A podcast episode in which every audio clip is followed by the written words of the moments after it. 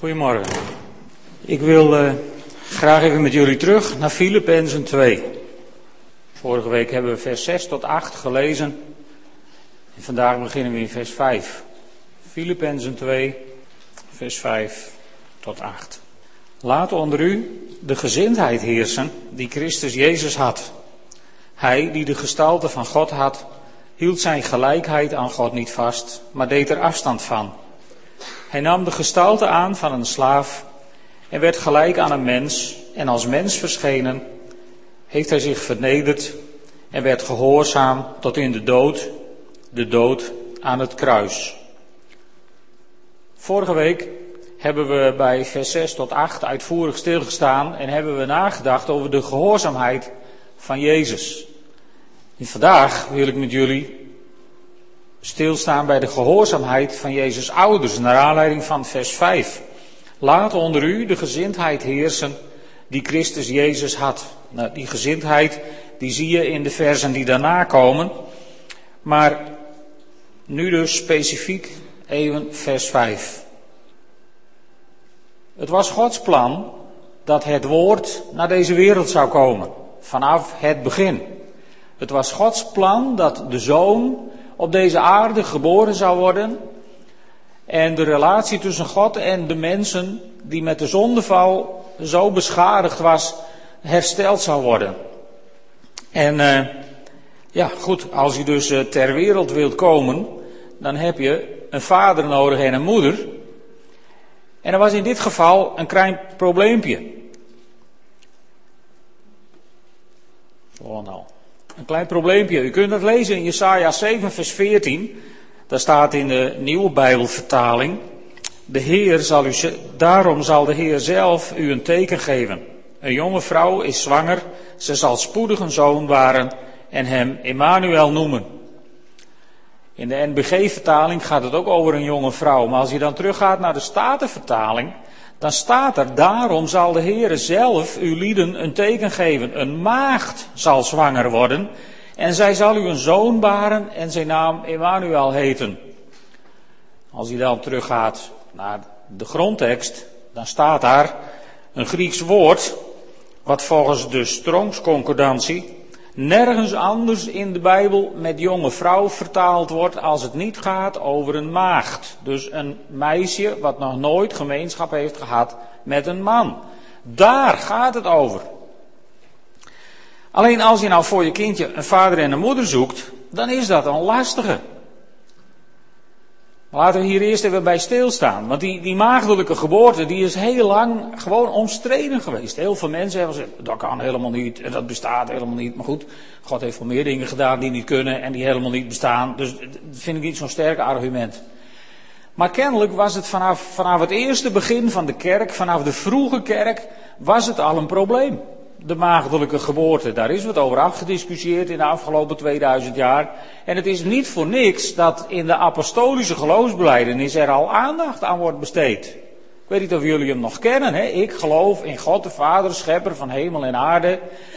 En in zijn enige geboren zoon Jezus Christus, geboren uit de maagd Maria. Het wordt daar toch maar even expliciet genoemd. En de vraag is, geloof je dat nou of geloof je dat niet? En uh, ik denk dat je met twijfel aan de maagdelijke geboorte ook de goddelijkheid van Jezus ter discussie stelt. Dat is volgens mij onlosmakelijk aan elkaar verbonden. Vandaar dat ik daar toch heel even bij stil wil staan.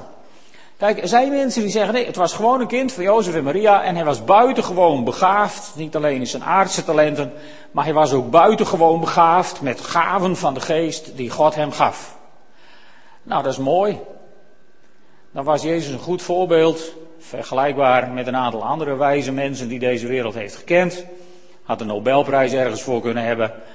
En dat was het dan. Maar als hij een kind was van Jozef en Maria, naar het vlees, was hij geen God. En had hij ons nooit kunnen verlossen van de zonde. Andere mensen met nog bozere tongen beweren van nee, nee, maar ja, uh, maar, ja, Maria was zwanger van uh, whoever, dat weet niemand. En Jozef is een goedheid, die heeft haar maar aangenomen en dat kind erkend. Als dat het argument is, was Jezus een kind van de zonde. En hoe zou nou een kind van de zonde de wereld kunnen verlossen en bevrijden van de zonde? Dat, dat gaat al helemaal niet. Dus dat zijn twee argumenten die nergens op slaan. En bovendien vind ik persoonlijk, als je gelooft dat het woord van God het woord van God is, waar discussiëren we dan over? Het woord van God schrijft dat Jezus is geboren uit de maagd Maria. En je gelooft het woord van God of je gelooft het woord van God niet. Meer smaken zijn er volgens mij niet. Dus daarmee hoop ik dat we het, de discussie over die maagdelijke geboorte bij deze even buiten spel hebben gezet. We hebben het dus over een maagd. Dat hield in dat, dat God voor zijn zoon geen getrouwd stel kon zoeken. Zelfs geen pas getrouwd stel. Of het zou moeten zijn, s ochtends aan het begin van de huwelijksdag. Maar een andere ochtend had dat niet zoveel zin meer. Normaal gesproken. Dus God had een, een probleem. Hij zocht een vader en een moeder voor zijn zoon. Die op deze wereld geboren moest worden. En dat betekende dat God twee bijzondere mensen nodig had. Die al heel veel hadden van de gezindheid van Christus. Mensen die bereid waren het risico te nemen. Mensen die bereid waren de schande te dragen. Mensen die bereid waren tot een groot offer. En die vond hij in Maria en haar verloofde Jozef. Laten we daar eens naar kijken. In Lucas 1 kun je dat vinden. De aankondiging van de geboorte. Lucas 1, vers 26 tot 38. Sommige mensen zeggen, waarom projecteer je dat nou niet gewoon op de muur? Nou, dan neemt over een tijdje gewoon helemaal niemand meer een Bijbel mee. En ik wil u stimuleren om gewoon een Bijbel mee te nemen. En ik projecteer het dus niet op de muur. Helaas. Lucas 1, vers 26. In de zesde maand zond God de engel Gabriel naar de stad Nazareth in Galilea. Naar een meisje dat was uitgehuwelijkt aan een man die Jozef heette, een afstammeling van David. Het meisje heette Maria. Ze was overigens ook een afstammeling van David. Gabriel ging haar huis binnen en zei: Gegroet Maria, je bent begenadigd, de Heer is met je. Ze schrok hevig bij het horen van zijn woorden en vroeg zich af wat die begroeting te betekenen had. Maar de engel zei tegen haar, wees niet bang, Maria, God heeft je zijn gunst geschonken. Luister, je zult zwanger worden en een zoon baren en je moet hem Jezus noemen. Hij zal een groot man worden en zoon van de Allerhoogste worden genoemd en God de Heer zal hem de troon van zijn vader David geven. Tot in eeuwigheid zal hij koning zijn over het volk van Jacob en aan zijn koningschap zal geen einde komen. Maria vroeg aan de engel, hoe zal dat gebeuren? Ik heb immers nog nooit gemeenschap met een man gehad, maagd dus. De engel antwoordde, de Heilige Geest zal over je komen en de kracht van de Allerhoogste zal je als een schaduw bedekken. Daarom zal het kind dat geboren wordt heilig worden genoemd en zoon van God. Luister, ook je familielid Elisabeth is zwanger van een zoon, ondanks haar hoge leeftijd. Ze is nu, ook al hield men haar voor onvruchtbaar in de zesde maand van haar zwangerschap, want voor God is niets onmogelijk. Dat is ook zo'n zinnetje om gewoon op een tegeltje te zetten en ergens neer te hangen. Voor God is niets onmogelijk. En Maria zei, de Heer wil ik dienen. Laat er met mij gebeuren wat u hebt gezegd. En daarna liet de engel haar weer alleen. Voor Maria was de tijd waarin ze leefde een tijd van verwachting. De Bijbel zegt ze was uitgehuwelijkt aan een man. Dat betekent dat, zeg maar, in die tijd even, hè, op het stadhuis waren ze getrouwd, laat ik het zo zeggen. De contracten waren getekend, de families waren het eens. Ze was verloofd. En dat was in die tijd net zo, net zo onverbrekelijk als getrouwd. Dus je kon niet meer uit elkaar tenzij er een scheidingsakte werd opgemaakt. Zo vast zat ze inmiddels aan Jozef. En ze was in ondertrouw met hem. En, en, en laten we er gewoon van uitgaan dat ze daar blij mee was, gelukkig mee was. En stel je dat even voor, je ziet uit naar de dag van, van, van je huwelijk waarop je gaat trouwen met de man van je dromen. En daarmee ga je een gezinnetje stichten en ga je een geweldige toekomst tegemoet en je leeft op één grote roze wolk en je ziet de toekomst gewoon stralend op je afkomen en daar komt er zo'n engel en die zegt je wordt zwanger. Dan spat je hele roze zeebel volgens mij in één keer uit elkaar. Want dat was nou net niet de bedoeling. Ja, van Jozef misschien, maar dit bedoel, die engel die komt haar nogal wat aandoen hoor. Wij, wij, wij zien daarna van de achterkant van het verhaal. En ik van, oh geweldig, de moeder worden van de zoon van God. Ja, prachtig. Maar als je net verloofd bent en, en, en de gedachte had rij natuurlijk binnen te gaan, dan, dan volgens mij heeft het voor Maria zo namelijk helemaal niet gewerkt. Die engel die kwam haar hele leven ondersteboven zetten. En uh, bovendien zorgde die aankondiging dat ze zwanger zou worden voor de nodige complicaties. Want Maria vraagt, en hoe gaat dat gebeuren? Dus met andere woorden, Maria die was kennelijk op de hoogte van hoe dat moest gebeuren als hij zwanger ging worden. En, en als we later de reacties van Jozef lezen, dan komen we erachter, hij wist ook hoe het moest gebeuren als hij zwanger ging worden. Dus ja, dat was wel erg, het maakte het erg ingewikkeld. En, en bovendien, kon ze niet inschatten hoe Jozef en de omgeving zouden reageren. Daar had ze geen flauw idee van hoe de mensen dat zouden oppakken. En wees nu eerlijk, wie zou vandaag de dag een zwanger meisje geloven als ze met zo'n verhaal zou aankomen? Laten we even eerlijk zijn. Ik bedoel, er was nog nooit een zoon van God geboren uit een maagd, dus wie zou het geloven? Niemand. Laten we daar maar gewoon duidelijk in zijn, in die conclusie. En, en dus had Maria een groot probleem in haar tijd. Want neem van mij aan, Maria, we kunnen dat zien in de reacties van de fariseeërs, hoe ze met Jezus omgaan en met een hoop dingen. Ik zal daar straks even een voorbeeld van aanreiken. Maria leefde in een super hypocriete tijd. Zeker op dit gebied net zo, net zo hypocriet als het hier 40 jaar geleden zeg maar ook nog was. En uh, 40 jaar geleden, ongeveer, denk ik, en misschien nog wel korter in sommige kringen, maar als je, als je in die tijd zwanger raakte als meisje, ook al had je verkering, dan, eh, dan moest je toch moest je voor de kerkraad komen. Dan werd je voor de kerkraad gesleept. En dan moest je beleidenis doen van je zonde. En in sommige kerkraden wilden ze het liefst nog helemaal precies tot in detail horen hoe het gegaan was. Met andere woorden, programma's waarvan wij vandaag zeggen, daar moet je zo gauw mogelijk voorbij seppen als je daar tegenkomt. Moesten toen in de kerkraad worden besproken. En, en ik heb een boek gelezen over, over een, een, een meisje dat zwanger werd in, in hele zware kringen. Dan moest je voor straf in het zwart trouwen. En de hypocrieten, die niet zwanger waren geworden, die dus alle geluk van de wereld hadden gehad, die mochten in het wit trouwen. En die hoefden niet voor de kerkraad gesleept te worden om te vertellen wat ze allemaal hadden gedaan. In zo'n tijd leefden we toen en in zo'n tijd leefde Maria. Alleen die tijd was nog een tikje heftiger. Want stel je voor, stel je voor dat Jozef zou ontkennen de vader te zijn. We lezen ze tegenwoordig nog wel eens in de krant, hè, dat in een of ander land een, een zwangere vrouw wordt gestenigd. Nou, dat was in die tijd heel gewoon. Als je zwanger was door overspel, dan werd je gestenigd. Zo simpel was het. Kijk maar even met mij in Johannes 1. Johannes 8 bedoel ik. In Johannes 8. Een heel bekend verhaal. Maar zelden, volgens mij, doorgronden we de implicaties van dit, van dit verhaal. Jezus ging naar de Olijfberg. En vroeg in de morgen was hij weer in de tempel. Het hele volk kwam naar hem toe. Hij ging zitten en gaf hun onderricht.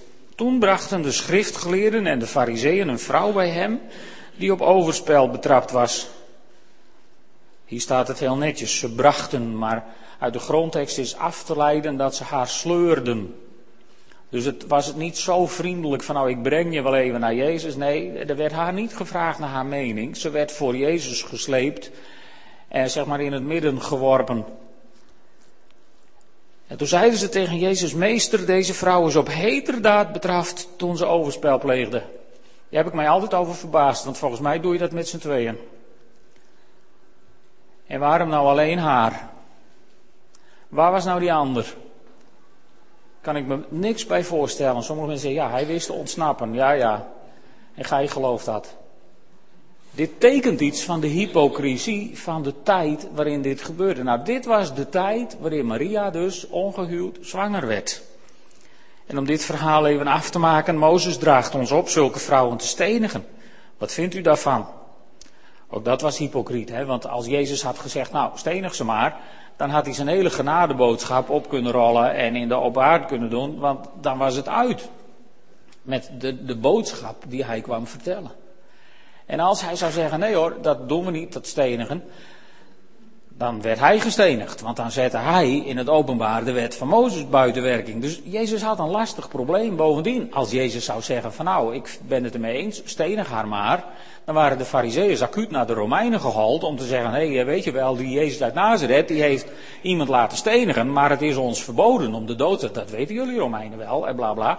Dan hadden ze Jezus aangegeven en dan was hij door de Romeinen gedood. Bijna een onmogelijke val waar Jezus in klem werd gezet.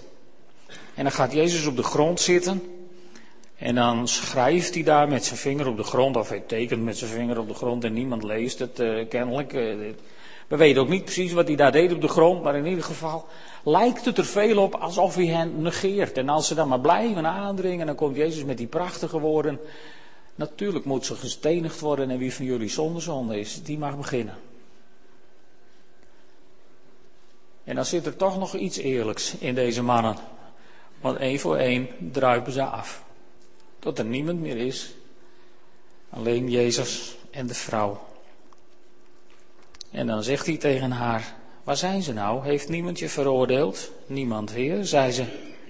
Ik veroordeel je ook niet, zei Jezus. Ga naar huis en zondig vanaf nu niet meer. Weet je, sommige mensen gebruiken dit verhaal als een vrijbrief om verkeerde dingen te doen. Maar één ding is heel duidelijk. Jezus zegt wel tegen haar, ik veroordeel je niet, maar hij noemt de zonde wel zonde. Hij noemt het geen vergissing of een slip op de pen, hij praat het niet goed, hij bagatelliseert het niet, hij noemt het gewoon zonde. Heel helder. En toch veroordeelt hij ze niet. Lastig om in de gezindheid van Christus door het leven te gaan. Denk je dan wel eens. Maar als je er zo naar kijkt, dan krijgen die laatste woorden van Maria een hele diepe strekking. Als zij zegt mij geschieden naar uw woord, neemt ze daarmee alle gevolgen voor haar rekening en legt ze haar leven volledig in de hand van God. Dat was Maria. En nou Jozef. Die vinden jullie in Matthäus 1. Matthäus 1, vers 18.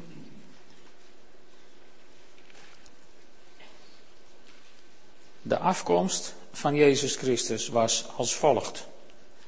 Toen zijn moeder Maria al was uitgehuwelijkt aan Jozef, maar nog niet bij hem woonde, bleek ze zwanger te zijn door de Heilige Geest. Haar man Jozef, die een rechtschapen mens was, wilde haar niet in opspraak brengen en dacht erover haar in het geheim te verstoten. Je zult maar Jozef heten verloofd zijn met het meisje van je dromen. Druk bezig om je huwelijk te plannen. Misschien was hij al wel bezig om het huis op te knappen en te behangen en te verven. Weten wij veel wat hij allemaal aan het doen was. Maar in ieder geval, hij zag uit naar die dagen waarop hij, zijn bruid, de mooiste vrouw van de wereld in zijn ogen, naar voren zou brengen in de gemeente. En ze zouden samen worden ingezegend als één echtpaar voor de ogen van de Heer. En dan is zij zwanger. En je kon Jozef veel vertellen, maar één ding wist hij heel zeker: ze was niet zwanger van hem. Misschien kun je een beetje indenken hoe, hoe Jozef zich gevoeld moet hebben. Verraden misschien, door zijn verloofde. En dan komt zij met dat mooie verhaal aan van ja, ik heb een engel gezien en die eh, en God en de Heilige Geest en ja, dat is leuk hè. Dit, dit, is, dit is ook, weet je, ik vind dit ook altijd zo'n sprekend verhaal om even iets te zeggen over, over profetie in de gemeente, over het spreken van God. Kijk, Maria had de openbaring. En, en die zou prima tegen Jozef kunnen zeggen, zo spreekt de Heer, de Heilige Geest is over mij gekomen en zie daar, ik ben zwanger. Dat is leuk, maar nou Jozef nog, want die had het verhaal alleen maar uit de tweede hand. Jozef had geen engel gezien. En die moest het dan maar aannemen. Hoe zou hij het ooit toetsen? Ik bedoel, als Jozef dit zou toetsen naar het woord van God, dan zou hij het moeten verwerpen. Want nergens in het woord van God stond nog zoiets. Of hij moest toevallig die tekst uit Jesaja 7 vers 14 vinden. denk je, nou, dan zal dat dus wel wezen. Maar dat is natuurlijk geen uitgangspunt voor een gezond huwelijk vervolgens met Maria en, en een veilig thuis voor Jezus. En dan, dan zien we in dit verhaal even iets over de gezindheid van Jozef. Jozef had twee opties eigenlijk. Want gewoon zomaar met haar trouwen, dat zat er voor hem niet meer in. Hij had kunnen zeggen tegen de oudsten van het stadje Nazareth: Lieve vrienden, luister eens even, ik ben bedrogen en verraden door mijn verloofde Maria. En nu is ze zwanger en het is niet van mij. Dan was Maria gestenigd. En Jozef zijn probleem opgelost. En dat deed hij niet. Nee, er staat, hij was van plan om in stilte, of om haar in het geheim te verstoten, in stilte van haar te scheiden. Hoe zouden wij praten in onze buurt over een stelletje wat verkering had, verloofd was, zij wordt zwanger en hij neemt de benen? Dat was even de situatie. Ik bedoel, laten we het even in vandaag trekken, even in het hier, in het nu. Dan hebben we ineens allemaal ontzettend begrutsen met het famke. Waar of niet? Dan vinden we haar zielig, want ja, die oerkommeling, die... Zo praten we er dan toch over of niet?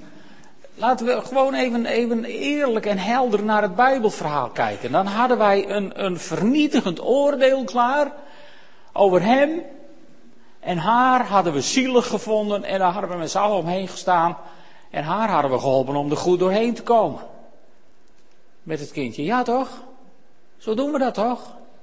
En Jozef, Jozef was bereid om die schande te dragen. Laat er nu de gezindheid heersen die in Christus Jezus was. En weet je, toen God, volgens mij, toen God het hart van Jozef had geproefd, toen God de keuzes van Jozef had gezien, toen wist hij van dit is de vader voor mijn zoon die ik naar deze wereld wil sturen. Zo'n vader zoek ik voor mijn jongen. En toen sprak God tot Jozef. Matthäus 1, vers 20. Toen hij dit overwoog, verscheen hem in een droom een engel van de Heer. En de engel zei, Jozef, zoon van David, wees maar niet bang je vrouw Maria bij je te nemen, want het kind dat ze draagt is verwekt door de Heilige Geest. Ze zal een zoon baren, geef hem de naam Jezus, want hij zal zijn volk bevrijden van hun zonden. Dit alles is gebeurd opdat in vervulling zou gaan wat bij monden van de profeet door de Heer is gezegd, zie de maagd zal zwanger worden. Dus in Matthäus noemt de NBV het nog wel, maagd, de maagd zal zwanger zijn en een zoon baren en men zal hem de naam Immanuel geven, wat in onze taal betekent God met ons. Jozef werd wakker en deed wat de engel van de Heer hem had opgedragen. Hij nam haar bij zich als zijn vrouw. Even terug naar het begrip profetie. Het is soms een heel verwarrend begrip. Sommige mensen denken als ik maar tegen iemand roep dat de Heer spreekt van zo en zo en zo, dan moet die ander dat geloven. Weet je, dat vind je nergens in de Bijbel. Die ander die moet het toetsen. En dat is wat Jozef deed. En omdat Jozef daar niet, niet, niet een toetssteen vond om om te gaan met dat spreken van God, sprak God ook nog een keer rechtstreeks tegen, tegen Jozef. Dat is een mooi voorbeeld van hoe het zou kunnen werken als je een woord van God krijgt, dan is ook Maria's reactie daarin heel mooi. Wat we misschien met de kerst nog wel een keer tegenkomen. Als de, de herders en zo zijn geweest. En als Simeon en Anna hebben geprofiteerd. Dan staat daar Maria die, die bewaarde die woorden in haar hart. Meer deed ze er even niet mee. Ze kocht niet vast een kruis en dat soort dingen. Nee, ze, ze bewaarde die woorden in haar hart. Totdat God ging bevestigen. Of omstandigheden gingen bevestigen. En Jozef doet eigenlijk precies hetzelfde. Hij heeft dat woord wat Maria met hem heeft gedeeld. En hij overweegt de consequenties en hij. En, en dan krijgt ook hij een woord van God. Ook dan verschijnt aan Jozef die engel die zegt: Doe maar, Jozef, het is goed. En dan neemt hij pas stappen om Maria bij zich te nemen als zijn vrouw. Wat een wijsheid. En wat een genade van God om zo nog een keer een bevestiging te doen van wat er moet gebeuren. En dan gaan we even naar Jezus. Want wat leek Jezus ongelooflijk op zijn vader en moeder? Wat had hij veel van het karakter van zijn ouders? Of moeten we het misschien andersom zeggen? Wat hadden zijn ouders veel van het karakter van Jezus Christus? Ik denk het laatste. Want, want wat hadden zijn ouders veel van die tekst waar we mee zijn begonnen? Laat onder u de gezindheid heersen die in Christus Jezus was.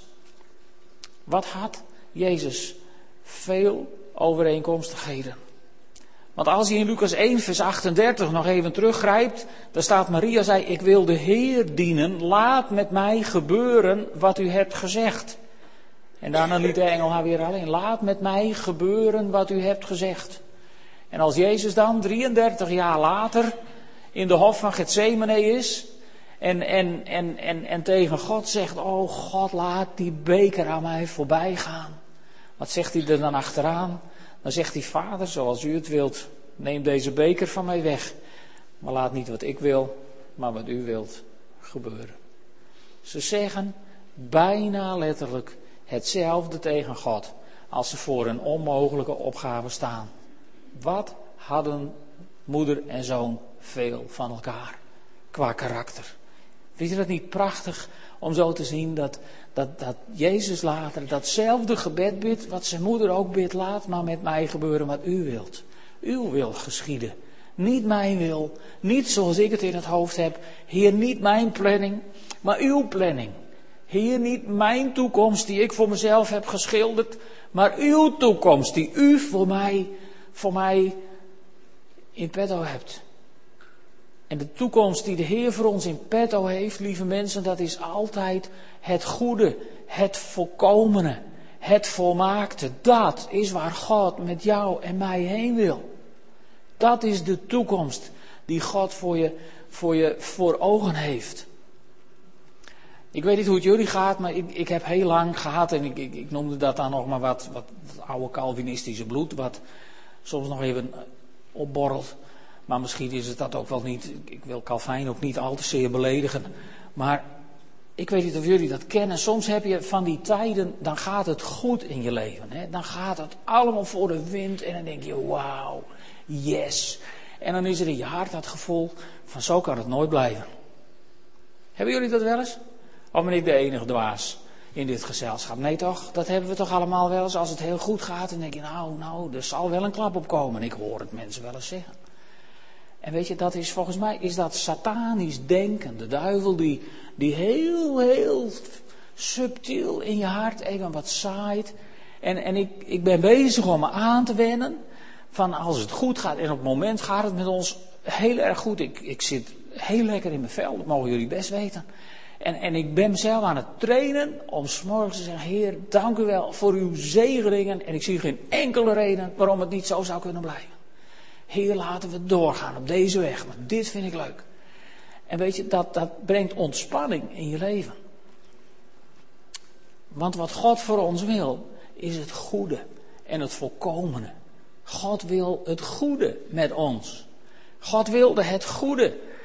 En daarom stuurde hij zijn zoon naar deze wereld. Om geboren te worden als kindje.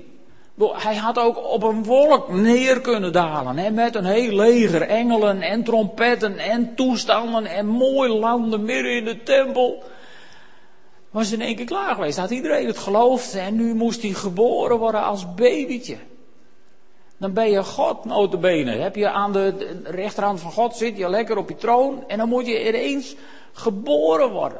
We gaan zo meteen, straks gaan we bidden voor, voor, voor Reina en ook voor Heiko en voor de baby die hier komt, dat die moet geboren worden. En ik bedoel, het is een, het is een, een mega klus om geboren te worden. Als je verwekt wordt, dan, dan ben je niet meer dan een speldenknopje. Maar als je geboren wil worden, ben je eigenlijk te groot om daardoor waar je door moet. Dat zijn benauwde momenten in een mensenleven. Hè. Er zijn volgens mij twee van die benauwde momenten. Ten eerste de tunnel waardoor je de wereld in moet. Is om het Spaans benauwd van te krijgen. Vandaar dat een baby ook moord en brand gilt als hij één keer klaar is. En, en, en dan heb je volgens mij heb je weer zo'n tunnel waar je door moet. Waar sommige mensen het met bijna doodervaringen wel eens over hebben. Dan heb je weer zo'n tunnel. En dan moet je als het ware geboren worden naar, ja, naar die, die nieuwe tijd hierna als je bij God bent. En dat is ook zo'n benauwd moment. Maar wat God voor ons voor ogen heeft, is het goede, het volmaakte, het volkomene. En daarom kwam Jezus naar deze wereld. En daarom zocht God voor zijn zoon Jezus Christus een vader en een moeder die, die een karakter hadden waar je als God zijnde je zoon aan toe zou willen vertrouwen. Ze waren niet volmaakt, ze waren niet zonder zonde, dat wist God ook allemaal wel. Maar het waren twee hele bijzondere mensen. Het was een, het was een stelletje wat bereid was om zeg maar de romantiek van, van die prachtige onbesmette huwelijksdag in te leveren. En al zwanger zijnde te gaan trouwen. Dat waren ze bereid in te leveren. En ieder van ons die getrouwd is en uh, mooi in het wit, stralend daar heeft gestaan. Ja, die moet zich misschien een beetje kunnen indenken wat deze twee mensen hebben ingeleverd. Wat voor offer ze hebben gebracht om vader en moeder te willen worden van de zoon van God. Wetende dat niemand hun zou geloven. Wetende dat het hele stadje Nazareth, ze zeggen, nou weet je het wel, Jozef heeft ook niet op zijn beurt kunnen wachten. Bla bla bla. En Maria is zwanger, ja ja. En, en het geroddel is best wel door de buurt gegaan, lieve vrienden. Net zo goed als dat vandaag zou gaan. Als je een stel gaat trouwen wat zwanger is, dan heeft toch iedereen een beetje dat gevoel van dit had niet gemoeten. Om het vriendelijk uit te drukken. Dat waren Jozef en Maria bereid in te leveren om vader en moeder te worden van de zoon van God. Ze waren dus bereid het risico te nemen dat Maria gestenigd zou worden. Ze waren bereid de schande te dragen van de hele buurt, omdat ze ongehuwd zwanger waren geworden. En ze waren bereid om een heel groot offer te brengen. Namelijk die droomdag van hun huwelijk waren ze bereid in te leveren. Voor een dag met schande in hun hypocriete tijd. Dat waren de vader en moeder die, Jezus die, die God uitkoos voor zijn zoon. Laat onder u de gezindheid heersen die bij Christus Jezus was. En weet je, ook Jezus ging de schande niet uit de weg. Want aan het eind van zijn leven, we lezen erover in Hebreeën 12, vers 2, waar, waar de schrijver van Hebreeën zegt, laten we daarbij de blik gericht houden op Jezus. Op Jezus. En wie is Jezus? Dat staat hier zo prachtig omschreven. De grondlegger en voltooier van ons geloof. Van ons geloof. Want denkend aan de vreugde die voor hem in het verschiet lag, hij kon over de tijd heen kijken. In zijn goddelijkheid wist hij de vreugde die voor hem in het verschiet lag, liet hij zich niet afschrikken door de schande van het kruis. Het kruis was de meest vernederende manier om dood te gaan die, die de mensheid op deze aardbol ooit heeft uitgevonden. Het was zo'n verschrikkelijke executiemethode dat de Romeinse Senaat een, een, een, een tijd later heeft besloten dat dit te erg was en dat dit echt zo niet kon. En toen werd het in het Romeinse Rijk verboden om mensen zo ter dood te brengen. Zo erg was het.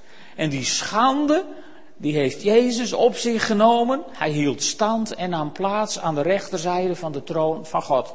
Op de plek waar hij vandaan kwam, voordat hij geboren werd bij Jozef en Maria. Jezus' ouders. Grote voorbeelden voor ons. En dan hoeft het je niet te verbazen dat Jezus bereid was in al zijn goddelijkheid om aan deze vader en moeder gehoorzaam te zijn. We lezen dat in, uh, in Lucas 2. Hè, het verhaal van de twaalfjarige Jezus in de tempel, waar Jezus. Ja, ik stel me voor dat Jezus zich even niet in kon houden. Toen hij bij de tempel in de buurt kwam en dacht van, nou moet ik even bij de dingen van mijn vader zijn. En zo bleef hij in de tempel, helemaal in God opgegaan als het ware.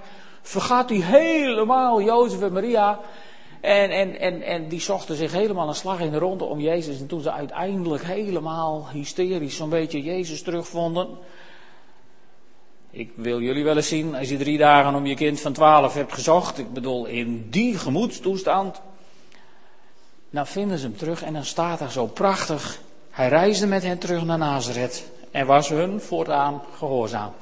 Bereid om te kiezen van zijn goddelijkheid af te zien van zijn almacht, bereid om mens te zijn naar zijn keuze. En dat met zo'n prachtige vader en moeder. En nu wij nog. En daar wil ik volgende week met jullie over nadenken. Over onze gehoorzaamheid aan Jezus Christus. Amen.